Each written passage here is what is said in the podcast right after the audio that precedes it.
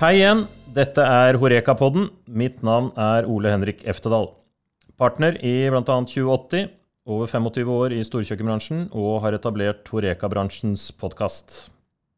Vi har rigget opp podkaststudio i 2080 sin konseptstore på Skøyen, og i dag har vi en interessant gjest som vi snart skal få høre.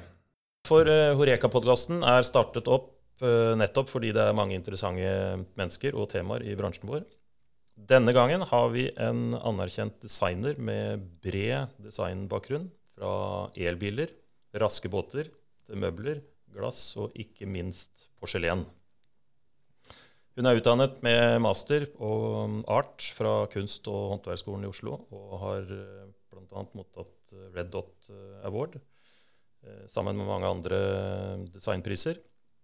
Hun har eget designstudio og verksted i Oslo, hvor hun utvikler og produserer, produserer sine egne designs. I tillegg så fant jeg noe som var litt morsomt. Det står på siden til Opera til folket. Katinka von der Lippe er en norsk lyrisk dramas, dramatisk sopran som bor i Oslo med sin mann og tre barn. Hun er industridesigner av yrke og bruker musikk som en del av sin personlige kreative prosess. Jeg blir helt andpusten av alt du har gjort og gjør, Katinka. Så det er egentlig bare å si god morgen, fordi det er en tidlig morgen på Skøyen. Skulle vi klare å treffes til podkast, så måtte det bli det. Så velkommen, Katinka von der Lippe. Tusen takk. Du har enormt mange sider og erfaringer, Katinka, i tillegg til alt som er nevnt. Først og fremst industridesigner, for å ta det fra start det som jeg tenker på, som vi har snakka en del om tidligere, eller litt om, det er, kunne vært et norsk industrieventyr eh, med tanke på Tink, elbil, som dessverre ja, litt urettferdig, tenker jeg, tryna litt på målstreken. Så har det vært båtdesign hos Bård Eker, og det er en annen del av deg enn den Horeka-bransjen vi sitter i nå. Men mm. du, må, du, må, fortelle ja. litt om det. Det som er morsomt med å være industridesigner, det er jo at man kan på en måte vekte det tekniske eller det estetiske, litt avhengig av hvilke interesser man har. Eh, og jeg var eh, kjempeheldig og veldig interessert, og havna egentlig rett inn i Think. Mm. Og var der i 14 år. Oi. Startet med interiør, eh, men gikk ganske raskt over som designsjef. det som folk har sett ute av de bilene som kjører på veiene, som jeg også kjører, det er på en måte bare en toppen av isfjellet på hva et designmiljø jobber med, i, og hva vi gjorde i Sink. Eh, vi jobbet eh, i Norge og også internasjonalt med vårt eget team og med, med designere fra andre bilmiljøer internasjonalt. F.eks. Porsche jobbet vi mm. sammen med. Vi jobbet med Pininfarina. Og det var eh, en helt fantastisk tid. Utrolig synd at uh, blei bråstopp uh, ja, altså, til slutt? Var, vi var kanskje litt tidlig ute. Ja. Vi var jo på en måte de første. Og, og, og grunnideen som kom fra, fra, familien som eh, var bak dette, kom jo i 1972. Ja. Ikke sant? De, de, og de hadde en idé om at uh, hvorfor skal man kjøre rundt med nesten to tonn stål? Mm rundt seg når man vanligvis sitter én person i bilen. Mm. Kunne man ikke prøve å gjøre dette litt mer urbant, litt enklere, litt lettere? Og de jo, kom jo fra plastbransjen. Og dermed så kom ideen om en, eh, en egentlig da rotasjonsstøpt bil med et aluminiumskarosseri eh, fra Hydro. Mm. Eh, og så gikk det litt sånn pø om pø. Og egentlig for dem så var det jo Lillehammer OL som på en måte var, ble takeoffen. Og etter det så kom vi jo i gang med, med flere forskjellige modeller, da. Og produserte jo en del tusen av den siste modellen. Mm. Ja, jeg, det er vel ikke Jeg tror det er det. litt for tidlig ute, dessverre. kanskje ikke så modent uh, kundenett som det Nå er det jo helt annerledes. Nå er, Nå er koden annerledes. knekt ja. på en måte for alle, så da blir det en selvfølgeligheten. Og så var det litt sånn, du vet eh, Litt sånn å, å nå, nå, er det jo sånn at alle ser det som en selvfølgelighet at ja, selvfølgelig skal man elektrifisere transporten. ikke sant? Det er rent, det er ressurseffektivt osv. Bærekraft. Men da så var det virkelig sånn at vi måtte fighte for at det, det var det som på en måte var framtida. Eh, og vi jobbet jo veldig politisk. Eh, alle i Sink vi hadde på en måte på oss denne politiske hatten. Og vi kjørte jo elbil med alt som kunne krype og gå av politikere. Jeg sjøl har jo vært med omtrent alle. Fått bilde av Erna? Ja da, Erna for eksempel, og så videre. Og, men uh, det som er egentlig viktig med det, det er at uh, vi var nok med på å lage et grunnlag som gjorde at uh, Norge er blitt en elbilnasjon. Uavhengig av måte, hvilke biler folk kjører, så har myndighetene, bl.a. pga. den jobben vi og Bellona og Zero og alle gjorde, skapt en base som gjør at det går an å ta det paradigmeskiftet fra forbrenning til el. Det har du nok rett i. fordi vi er jo i verdenstoppen, mildt sagt, i forhold til elbil. Så ja. det har nok ligget noe etter at etter at det gikk som det gikk, så har det nok ligget noe latent her som, eh, som gjør at vi er der vi er nå. Ja. Og så syns jeg det er litt kult, da. Jeg kjører jo sinken min fremdeles. Mm. og vi har jo to. Ja, ikke sant? og det, det, tikker og går. Ja, det det. Og det koster jo ingenting å kjøre. Nei. Og det er helt perfekt i en bysammenheng. Ja, ja, ja. Det er jo citybil. Ja, ja, ja. Så jeg, jeg skulle jo absolutt ønske at at, vi hadde fått det til. Og det var veldig nært. Så ja, det, det var veldig nært. Jeg det var veldig, veldig nært, veldig, og vi, det var uh, veldig, veldig mange gode og fine muligheter mm. og planer som lå liksom akkurat på målstreken der. Ja, jeg tenker der. på hva det kunne vært. Det er det som er, hadde fått litt luft under vingene. så hadde den Well, well. Um, Bård Eker og, um, og uh, Raske båter. Mm. du har invitert meg ned dit, så det må vi få gjort en eller annen gang. Ja, det må vi gjøre. ja, altså, det var egentlig litt sånn eh, Vi hadde jo snakket sammen ganske mye. Eh, både fordi vi traff hverandre på, på utstillinger, bilutstillinger internasjonalt og sånn. Bård drev, drev jo da også med Königsegg i tillegg. Så det var, det var, egentlig veldig naturlig for meg å bare ta opp telefonen og så si du, du skal ikke vi jobbe mm. sammen? Og så ble jeg der i åtte år. Mm. Og det var helt fantastisk. Jobbet med Hydrolift. Det første prosjektet jeg gjorde, var Eh, den, ja, det var vel den største hydroliften. Ja, Dødskult. Kjempegøy. Og den kunnskapen eh, og det miljøet hos Bård er helt unikt. Mm. Eh, og det er nesten rart at det går an at det finnes ute i skauen på en måte utenfor eh, Fredrikstad. Um, men det handler jo om en person som har masse drive. Ja, ildsjel og, En ildsjel, ikke sant? Og masse kompetanse. Masse kompetanse. Um, og ikke redd for å, å prøve nye ting. Mm. Skikkelig innovatør. Ja, absolutt. Så det var veldig, jeg er imponert. Uh, jeg har sett um, jobbe litt med Redningsselskapet. De lager båter for det òg. Det er ja. noen sykt kule båter. Ja, det, da er vi tilbake til Colinace. Ja, ja, men, Colinace, men kanskje det, de, går kanskje litt ja, fortere, de. ja, ja, de gjør det. De skal gjøre samme oppgaven. Ja. Nei, men Så bra. Det, um, der er industridesign um, selvfølgelig helt annerledes enn den bransjen vi eh, er i nå, som vi kjenner hverandre fra.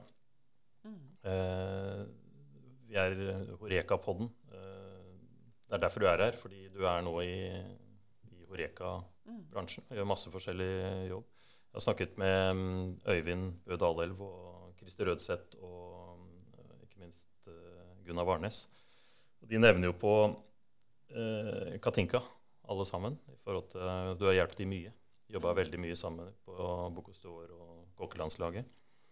Og det å skape noe unikt, tilbake til, til Bård igjen, egentlig. Men, eh, og det å klare å gjøre den tekniske og design, mm.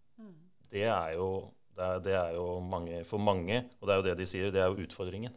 Det er nesten en umulig oppgave uh, mange ganger. Å klare å dra verden til å få til noe annerledes.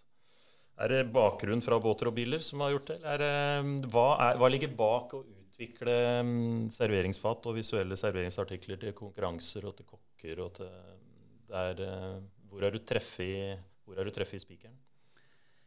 Det er egentlig litt interessant, fordi at en industridesigner har jo sånn i utgangspunktet teknisk kompetanse og estetisk eh, designkompetanse. Ja. Uh, og så er det jo veldig forskjellig fra designer til designer hva, de, hva man syns er morsomt.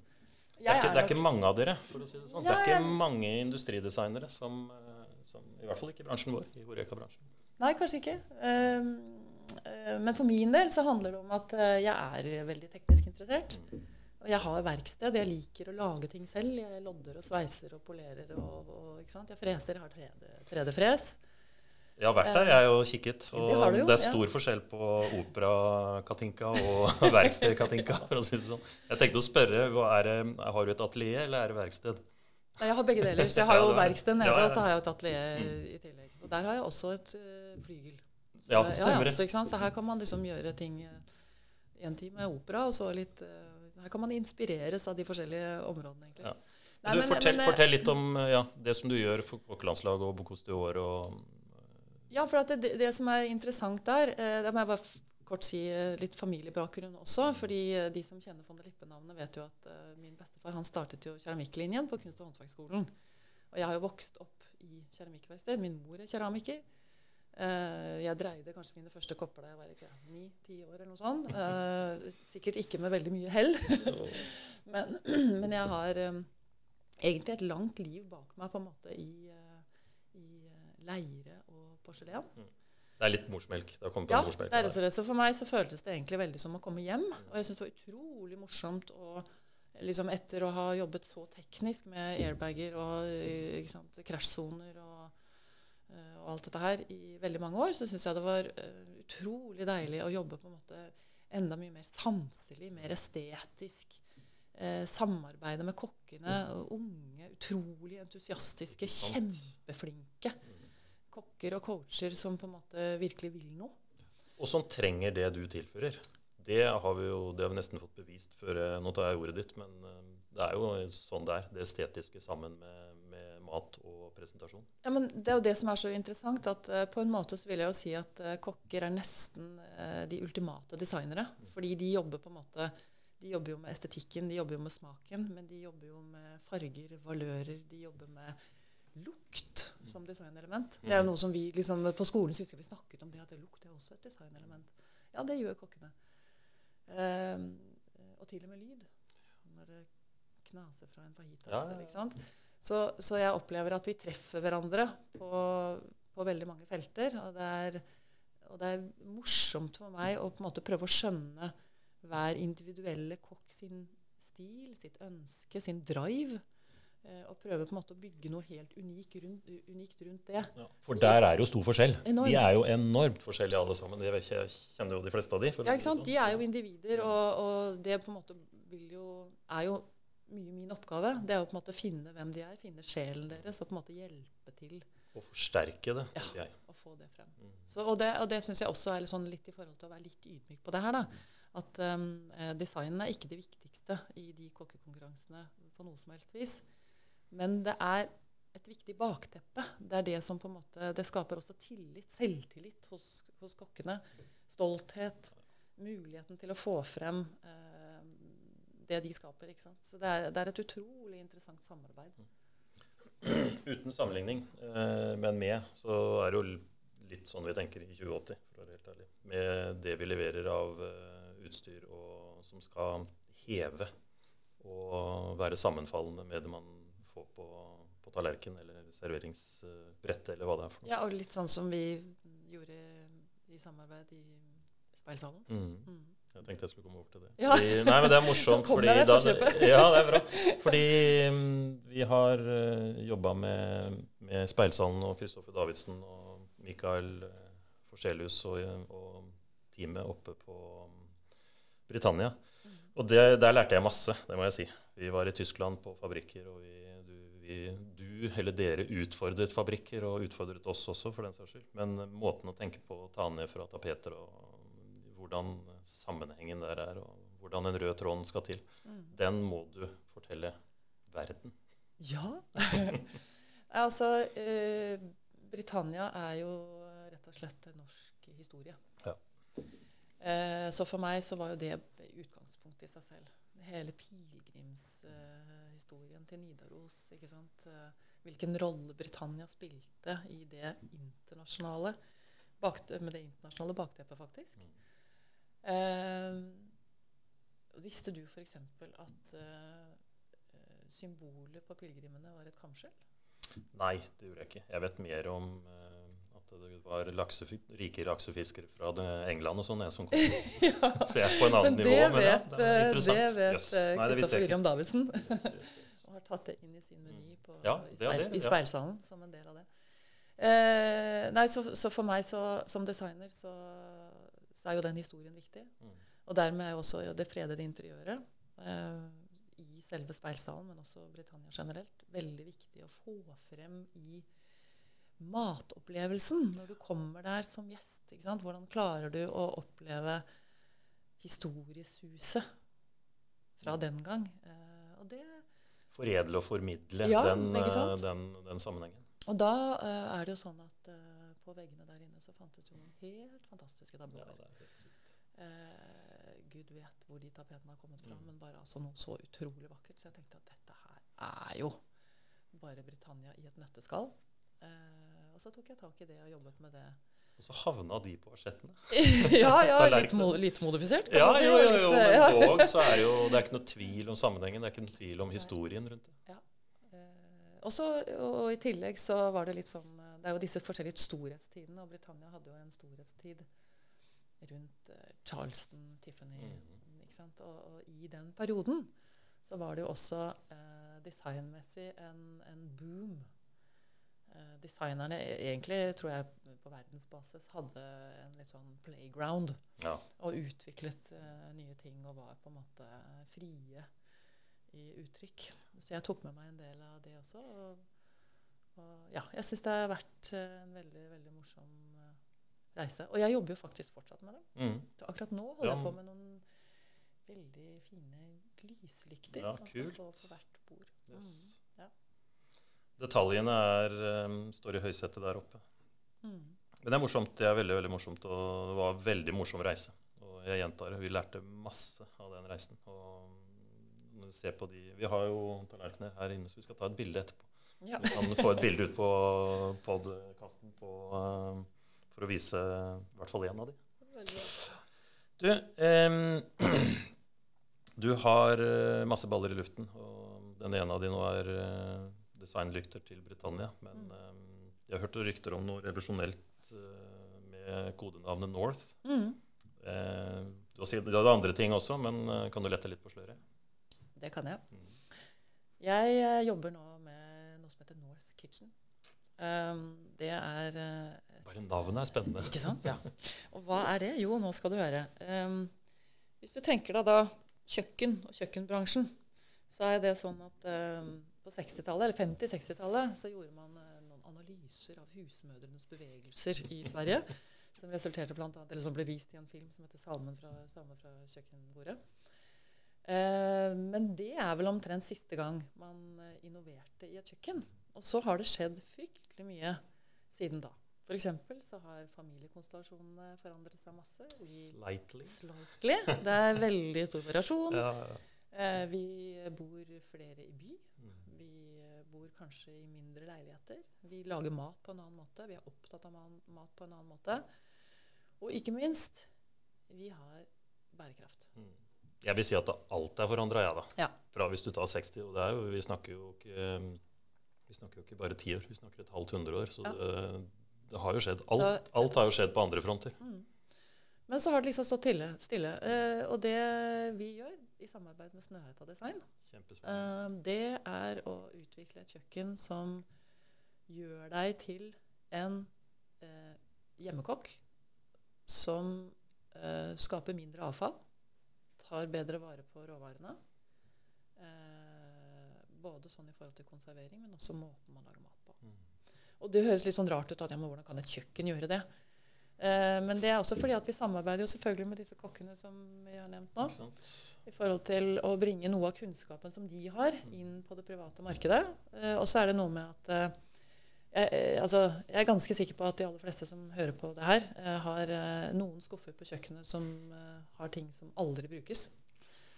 Det ligger kanskje noen ekstra plastlokk som burde vært kasta, eller aldri vært kjøpt inn. Eller er det sånn at man kunne faktisk redusert mengden oppbevaringsplass, f.eks. For eksempel, fordi at man heller tenker hva er det jeg egentlig trenger? Er som, det? Hvordan skal jeg lage et kjøkken som passer meg og min familie, eller bare meg? Eh, så, og vi er, vi er liksom helt sånn i startgropa. Ja. Vi, har fått, eh, vi er liksom i gang med noen fine konsepter. Eh, og vi tror dette her eh, Det kommer til å få stor betydning. Det Ja, det, jeg synes det høres jo helt kjempespennende ut. Og mm, også med Snøhetta, som Mm. eh, vi, vi også har et samarbeid med. Ja. Så det er morsomt. Um, jeg tenker at uh, siden Horeca-bransjen vi snakker om, dette her er uh, over på, på hjemmekokken, så har jo Horeka-bransjen vært ganske langt framme nå med å ta tak i det med kast og Bruk og kast, holdt jeg på å si. Altså, ja, mindre, kast, mindre, avfall. Øh, ja. altså, for, for, eksempel bare sånn øh, Visste du at, øh, at 60% av matavfallet i Norge det produseres ikke av de profesjonelle, men av husholdningene. Ja da, og det er de det er flest av. Ja, det er de det er flest av. og det er et tankekors at vi har vært så veldig på å Reka-bransjen først. for å si Det sånn. Det er riktig å gjøre det. Ja, det er riktig, det er riktig men for meg, var det, det. Ja, ja, men, for meg var det litt sånn sjokkartet opplevelse da jeg begynte å lese og liksom sette meg inn i disse sant, Hvor mye CO2 kan man spare? Det er liksom 1,5 millioner tonn. Ja. Uh, og det, det, liksom, har, det, har, så stor impact hvis vi klarer å på en måte gjøre noe med dette her. Og så tror jeg det at uh, forbrukerne, deg og meg, man har på en måte man har åpnet for en annen måte å tenke på, også i forhold til uh, norske landbruk. Mm. Ikke sant? At vi, vi, eh, vi verdsetter i mye større grad den jobben eh, land, landbruket, bonden, mm. gjør. ikke sant? Eh, jeg har selv synger opera faktisk sammen med Norges dypeste bass, og han er også gårdbruker. Um, og, og, og, gjennom det så har jeg han, har, han, han, lever, han leverer faktisk operamarinert kjøtt. Han synger for, han synger for sauer og Ja, jeg tror jeg har lest om det. Hver, hver, dag, faktisk. Ja, helt, ja. Helt, helt fantastisk. Og, og, helt fantastiske produkter. Men da jeg gjennom det der, så har jeg liksom fått også større nærhet til, å, til bonden. Og ser hvilken utrolig viktig jobb de gjør, og hvor eh, mye kompetanse de har. Eh, og jeg tror det er liksom noe med at det her kan vi eh, få til en sånn win-win. Ja. Jeg, jeg, er jo født og oppvokst på gård selv, som du vet. Så, ja. så jeg syns den røde tråden skal, Hvis man skal Der har vi lært av Snøhetta også. Når skal tenke bærekraft, så må det være hele sirkelen. Mm. Du kan ikke bare gå og tenke bærekraft på én av de eh, tingene som gjelder. Du må tenke helheten. Du må det. Og da må mm. du begynne med når du tar og Egentlig bare ikke når du tar det opp av jorda. Du må tenke på det når du setter det i jorda og tar det opp, og til du har forbrukt det. Og forhåpentligvis brukt uh, alt sammen. Mm. Det er sant. Ja. Nei, men det er, åh, det er, utrolig spennende. Ja, så, jeg tror vi kommer til å se i Norge jeg tror vi kommer til å se store forandringer der. Eh, som, som, du sa, så har man jo liksom gått på Horeka-bransjen. Og jeg tror det er riktig også fordi at det er jo den industrielle biten av det eh, hvor man må innovere og gjøre nye ting. Det er, det er helt nødvendig. Og vi må tenke annerledes. Eh, og, og, vi hadde jo en som jeg syns var en helt fantastisk ting som Bocuse d'Or Norge gjorde. Eh, med Gunnar Warnes i spissen. Eh, NHO-middagen ja, sist. Bærekraft. Som altså da var Jeg var litt med på det i forhold til design og det grafiske og sånn. Eh, hvor alle retter besto av råvarer som ellers ville vært kasta. Ja. Alt sammen. Mm. Og der sitter jo liksom alle næringstoppene. Ja. Og så er det kjempegodt og nydelig og vakkert og på alle mulige måter helt fantastisk. Og bare viste for alle at eh, det er altså så mulig. Så vi må bare starte. Ja, og det, jeg tror vi kan lære litt. da, At uh, Horeca-bransjen faktisk har vært tidlig ute. Mm. Med, så vi kan dra det inn. Og prosentvis eh, hva Horeca-bransjen kaster kanskje i forhold til privathusholdning, så er det nok noe å hente, noe å lære av det også. Jeg tenker Når du sier det med NHO-middagen og bærekraft i forhold til egentlige produkter som kanskje skulle vært kasta, så har jo en ung kokk ung og ung lenger, men Jimmy, Jimmy Øyen, ja. yes. Rest, som har blitt en kjempesuksess. Og det er jo supergøy. Helt fantastisk. Og også der smaksmessig. Altså smaksopplevelsen ja, ja, er, bare er helt fantastisk. Så det er liksom bare og det går an å få det av. Ja, og, og, det å sette fokus og søkelys uh, på andre ting, eller kanskje lenger enn det, å stille de spørsmåla som ingen andre stiller. For det er jo det dere gjør nå. Mm. Hvorfor har det ikke skjedd noen ting på kanskje 50 år? Mm. Og det er noen år siden vi begynte å snakke om bærekraft. Mm. Så, nei, det, kommer, det, tror jeg blir lett å heie fram. Spennende. Hva andre ting det du holdt på med? Jeg holder på med mye rart. Ja, det vet jeg jo. Nei, jeg holder på med en eh, For eksempel så har vi en utrolig rivende dyktig dame som heter Siri Winther, som åpner en restaurant på Aker Brygge. Mm. Og hun ikke, åpner ikke bare restaurant, men hun åpner ysteri. Oi. Så de som sitter i denne restauranten, de kan titte rett inn på produksjon av oster. Og der lager jeg um, servise og man, uh, den opplevelsen man har når man sitter der og spiser. Eh, og bestiller du en pizza, så er det norsk mel og ost fra rett bak Ja, selvfølgelig. Ja. Så det er veldig artig. De åpner 9.6, så det er kjempespennende. Det må vi stay tuned. Ja, stay tuned, stay tuned, for det tror jeg dette blir et kult konsept. Ja, det høres sånn ut. Og så jobber jeg jo litt um, Jeg har jo ikke helt forlatt min litt sånn tekniske uh, Så jeg er litt inne på båt. Ja, Det er lenge siden vi har snakka sammen nå, så jeg, nå, er jeg, også- nå er jeg også veldig spent. Så Jeg kan ikke si så mye. Nei da, jeg kan ikke si så mye om det, egentlig. Men jeg, jeg, egentlig litt sånn Det som er morsomt med, eh, og fantastisk med å være designer og være teknisk interessert og på en måte estetisk interessert, da, å ha det der, det gjør at man kan, man kan jobbe med veldig mange forskjellige produktgrupper, på en måte. Mm. Eh, og, og, ikke for å si for mye, men det med elektrifisering, det, det er det var ikke veldig overraskende at det kom inn der, altså på, på båt også. Ja. Ja. Og så jobber jeg med Men hvor langt er det? Nei, det er Jeg helt nysgjerrig. sånn. Ja da, nei, det er helt sånn. Når kan vi se et eller annet Nei, det er litt vanskelig å si. Ja. Så det tør jeg ikke å gi meg ut med, egentlig. Det blir ikke sommer. Det blir ikke nei, nei, Larviksfjord sommer. nei, det blir det ikke. Men eh, det er noen ting som skjer der. Eh, ja, og så er jeg heldig å jobbe sammen med Magnar Glassverk. Ja, det ser jeg. Det med lamper nå, men Ja, jeg holder også Ny- på med noen nye produkter. serie. Ny serie. Mm. Mm. Eh, Zeppeliner. Ja, Selvfølgelig også med litt sånn teknisk eh, Jeg har alltid vært ekstremt fascinert av de der luftskipene. Så liksom den ellipseformen Mm. og hvor den strukturen, hvordan man liksom fikk det til i det hele tatt. Helt utrolig. Så, så det er en inspirasjonskilde. Mm, veldig morsomt. Jeg så filmen her for en stund siden. Zeppelin, Ja, du gjorde det? Mm. Ja, kult. Ja, det var kult. Og det er jo det er læring i å se sånne filmer også. Ja, absolutt. Em, jobber du der sammen med Det er ikke sikkert det. Jobber du der sammen med um, Halvor Bakke? Altså, han er jo en av de Ja. Ja, han, altså, eh, Magnor har jo et eh, Kobbel. knippe kobbel ja, med veldig morsomme designere. Veldig. Uh, og Halvor er en av dem. Mm.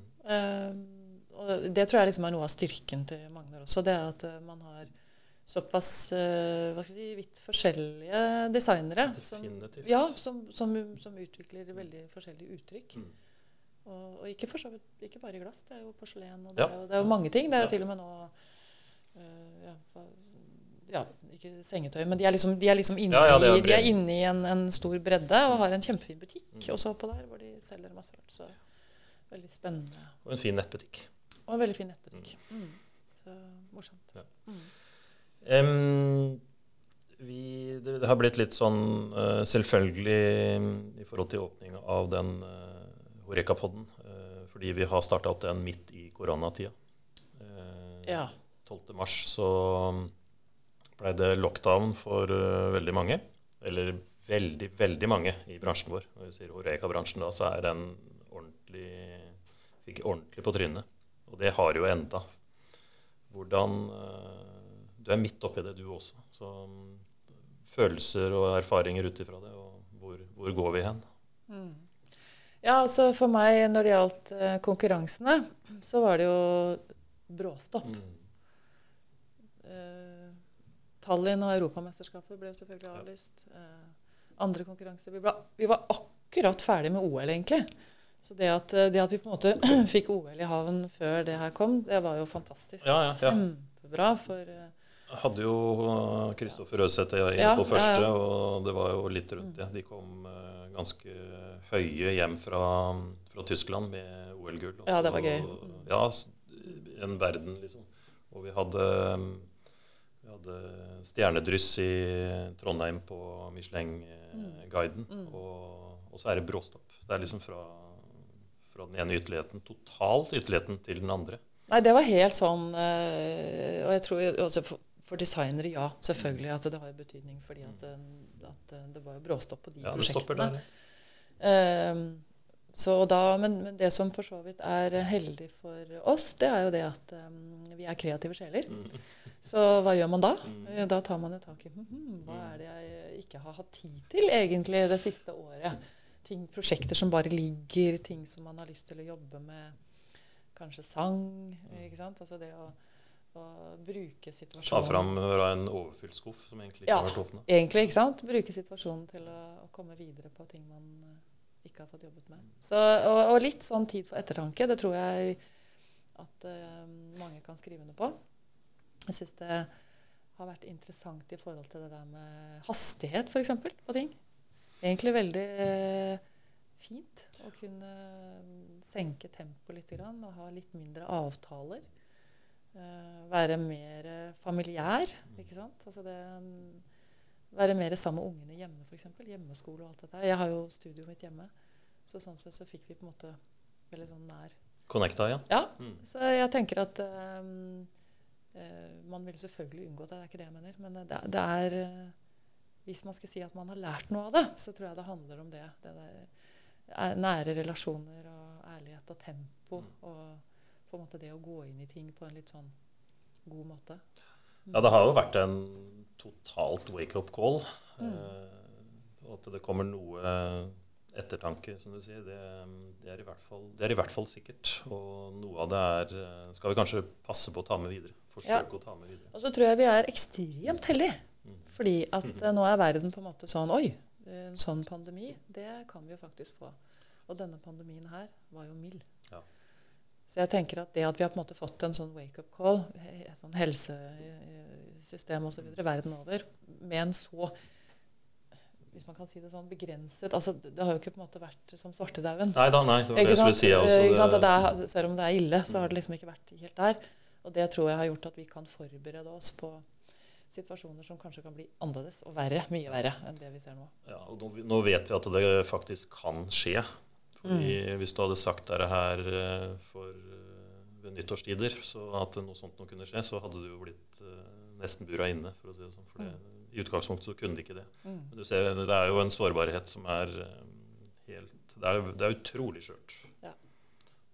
Og så er det noe med Norge. Jeg sy syns jo at eh, sånn, sånn, i kjølvannet av det her, f.eks. nå med norske ferier, ikke sant, at eh, eh, man får et litt annet fokus. Eh, og vi har altså så mye fantastisk eh, i dette landet her, så det er nesten litt sånn Det er en mulighet som man må ta tak i. Ja, og det har vi snakka om før i poden her også. At, uh, jeg, tror, uh, jeg, tror, det kan være på å forsterke Ikke bare i, i, i, sommer, så er det jo helt innlysende at det blir norsk, uh, norsk ferie på de fleste norske. Men det kan jo ikke være sånn at vi til neste år også vil høste litt av det i Norge. Ja, det at tror jeg. At man har lyst til å være hjemme og oppleve vårt kjære fedreland.